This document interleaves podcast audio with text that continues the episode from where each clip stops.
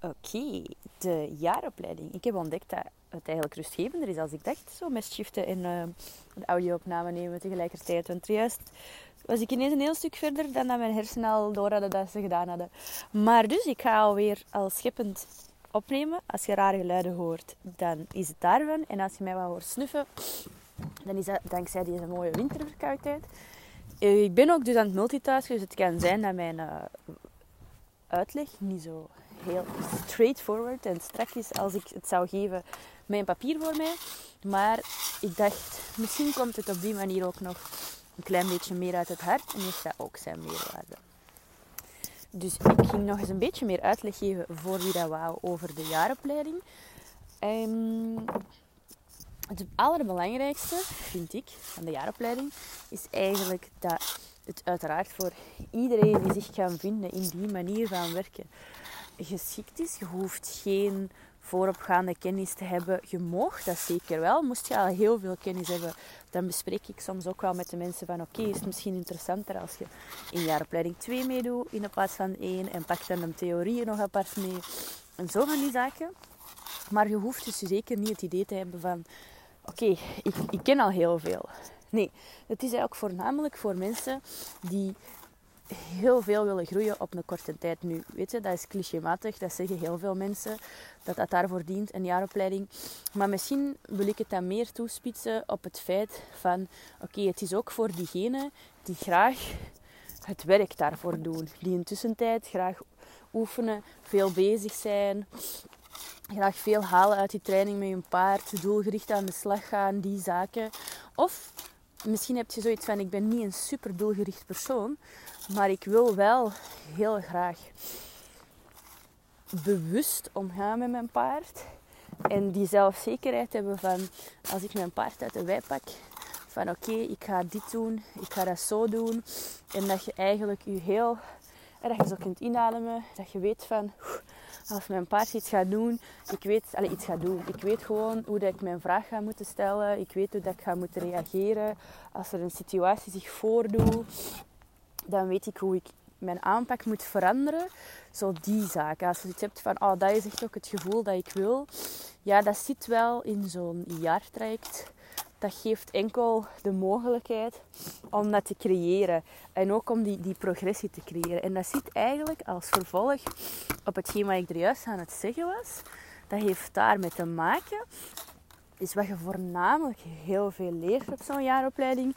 Is te leren schakelen. En met schakelen bedoel ik dat eh, je paard is elke dag kan niet anders zijn. Um, zeker als het moeilijkere cases zijn, als ze bijvoorbeeld een trauma ergens over hebben meegemaakt en die zaken, dan werkt heel veel strategieën. Maar het belangrijkste is, is eigenlijk om op tijd altijd je strategie een klein beetje aan te passen. En dat is ook daarom dat ze zeggen van echte horsemanship dat is echt kunst. En je moet zoveel paarden gezien hebben alvorens dat je een echte kunstenaar zij. Dat heeft dan te maken met dat het is eigenlijk niet zo moeilijk om een oefening te snappen. Dat gaat wel, maar het is niet altijd even makkelijk om al het achterliggende mee te hebben, waardoor dat je weet van, hmm, oké, nu gaat deze oefening wat minder goed. Omdat die bepaalde criteria niet in orde is. Of nu moet ik wat sneller gaan. Zo al die zaken, die maken een heel groot verschil tussen je progressie. Omdat als je iemand gewoon maar eventjes... Ah, dat was tegen de kruiwagen. Als je iemand maar één keer zie op de maand, dan kun je wel een oefening meegeven. En ik kan wel zeggen van oké, focus daarop. Als deze gebeurt, moet je zeker dat doen. Als dat gebeurt, mocht je naar de volgende stap gaan. Um, die zaken. Maar je kunt toch nog niet iemand zo super zelfstandig leren denken en schakelen. Dus dat is eigenlijk hetgeen waar dat we naartoe willen gaan. Dat als je paard hebt, dat je weet van oké, dit is mijn doel. Bijvoorbeeld de travers aanleren, hè, dat zijn achterhand naar binnen komt en in het spoor van het binnenvoorbeen gaan lopen. Als een supergoeie fitnessoefening. Dat je ook weet van oké, hoe kan ik hier aan beginnen? Wat zijn de zaken dat ik moet opletten? En als je bijvoorbeeld dan een extroverter paard hebt, dat um, iets sneller gefrustreerd wordt, dan, en je bent aan het aanleren, je geeft al dan niet uw click and treat als de achterhand in uw richting beweegt. En je ziet dat je paard dat meer en meer begint te doen. En eigenlijk zo'n beetje zijn oor begint te platleggen en al die zaken. Dat je op dat moment gewoon kunt zien. Denk je, ah oké, er is eigenlijk een beetje garbage behavior aan het opkomen. Ik heb niet genoeg op mijn stimulus gelet. Stimulus wil dan zeggen dat je paard de oefeningen alleen maar uitvoert als jij het vraagt. En dat dat ook heel duidelijk is voor hen. Want anders kunnen ze heel veel stress krijgen rond het feit dat ze niet weten wanneer ze wel of niet de oefening moeten uitvoeren.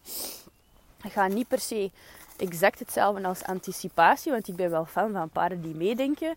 Maar als je, als je ze wilt laten meedenken, dan moet het ook gewoonweg duidelijk zijn. Anders dan kunnen ze niet meedenken. Dus je ziet dat en je denkt, ah ja, oké, ik moet daar iets aan doen. En dan kun je dat veranderen. Je past dat aan. En hop, dat gaat goed vooruit. Maar als je dat op dat moment niet gezien hebt, of niet hebt zien aankomen, dan kan het zijn dat je de training gewoon verder zet. En eigenlijk tegen het einde van de sessie je paard een beetje begint te trappen in je richting. En dan voelt je aan van oei, dat is hier mis aan het gaan. Ik moet hulp inschakelen. Ik ga even een berichtje sturen. Wat ook even goed is. Maar dan zijt je al zoveel fases verder gegaan, waardoor dat er ook terug wat werk in gaat gaan om die frustratie. Want je paard heeft op dat moment eigenlijk frustratie ontwikkeld op de cue. Dus het signaal van je travers is veranderd in ik trap in mijn baasje zijn richting. Waardoor dat als je die, dat signaal geeft, je hand op die manier opsteekt en naar de buitenheup wijst, dan gaat dat frustratie triggeren bij je paard. En dan kunnen we dat er terug afhalen. Dat is helemaal geen probleem. Maar je bent gewoon langer bezig met waar dat je naartoe wilt gaan. En dat is misschien een duidelijker, duidend voorbeeld van wat we bedoelen dat je zoveel sneller vooruit gaat als je een volledige opleiding volgt. Dat is omdat je eigenlijk al die errors gaat kunnen direct zien aankomen, of toch al veel sneller. En dat je ook gaat kunnen weten van, ah, dat is dit. En ik kan dat zo oplossen. Hè? Want voor dat geval van die travers, dan moeten we eigenlijk, gezien dat we ons paard voldoende beloond hebben voor het stilstaan, dat ze daar nog op zijn, dat je waarschijnlijk je cue trager gaat moeten inzetten, omdat ze er over reactief op geworden zijn. En dat je, als je een brugsignaal gebruikt, dat je dat waarschijnlijk ook wel later gaat moeten gebruiken.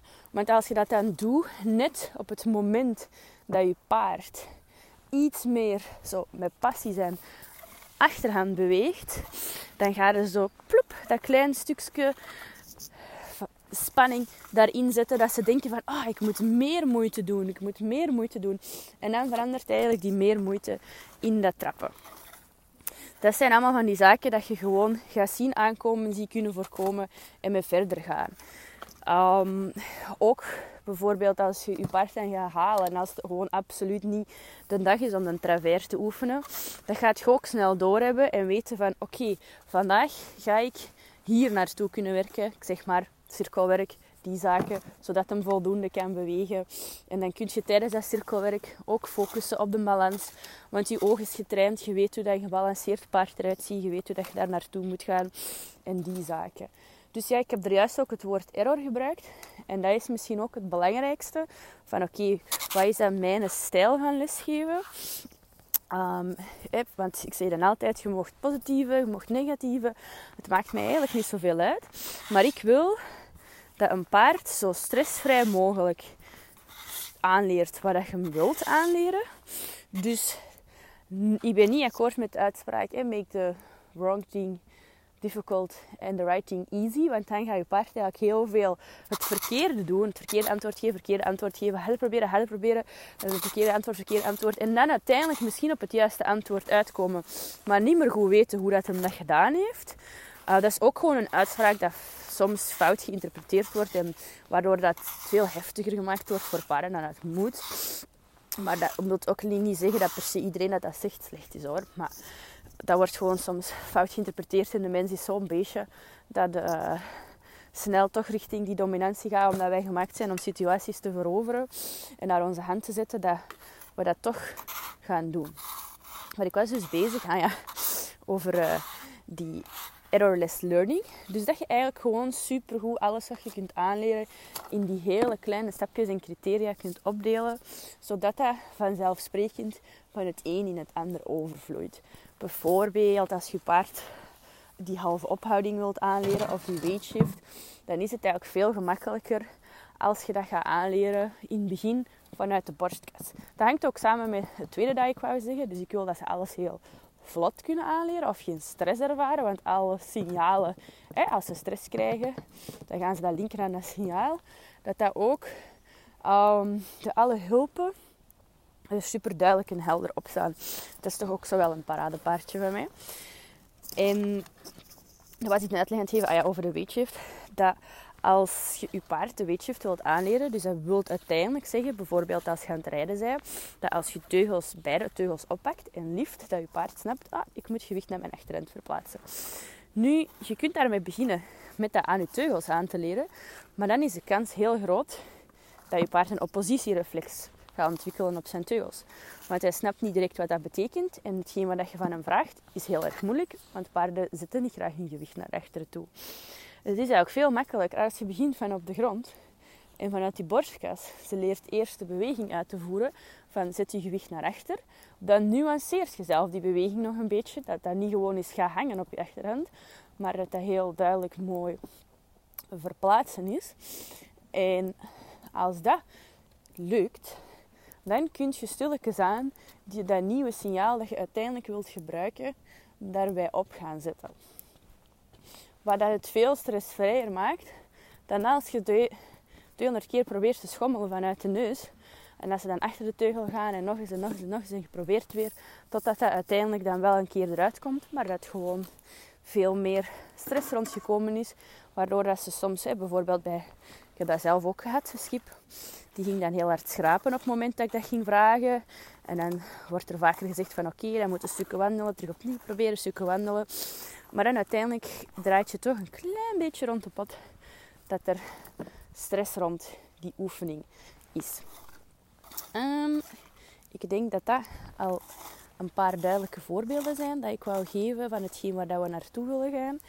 Voor de rest is het voornaamste ook gewoon iedereen die, die teamspirit dat vind ik ook belangrijk. Dat de groepen, iedereen zich gewoon heel goed voelt in de groep. Dat die niet te groot zijn. Um, dat je samen leert, dat je cheert voor elkaar. Je hoeft daar op zich niet per se de uitbundigste persoon voor te zijn. Maar gewoon dat je thuis voelt in een plek met mensen die op dezelfde manier denken. Goed, ik ga hier al eens een keer bij afronden. En dan ben ik benieuwd of ik jullie alle informatie meegegeven heb die ik wou. Maar in elk geval, tot een volgende keer. Dank je om te luisteren.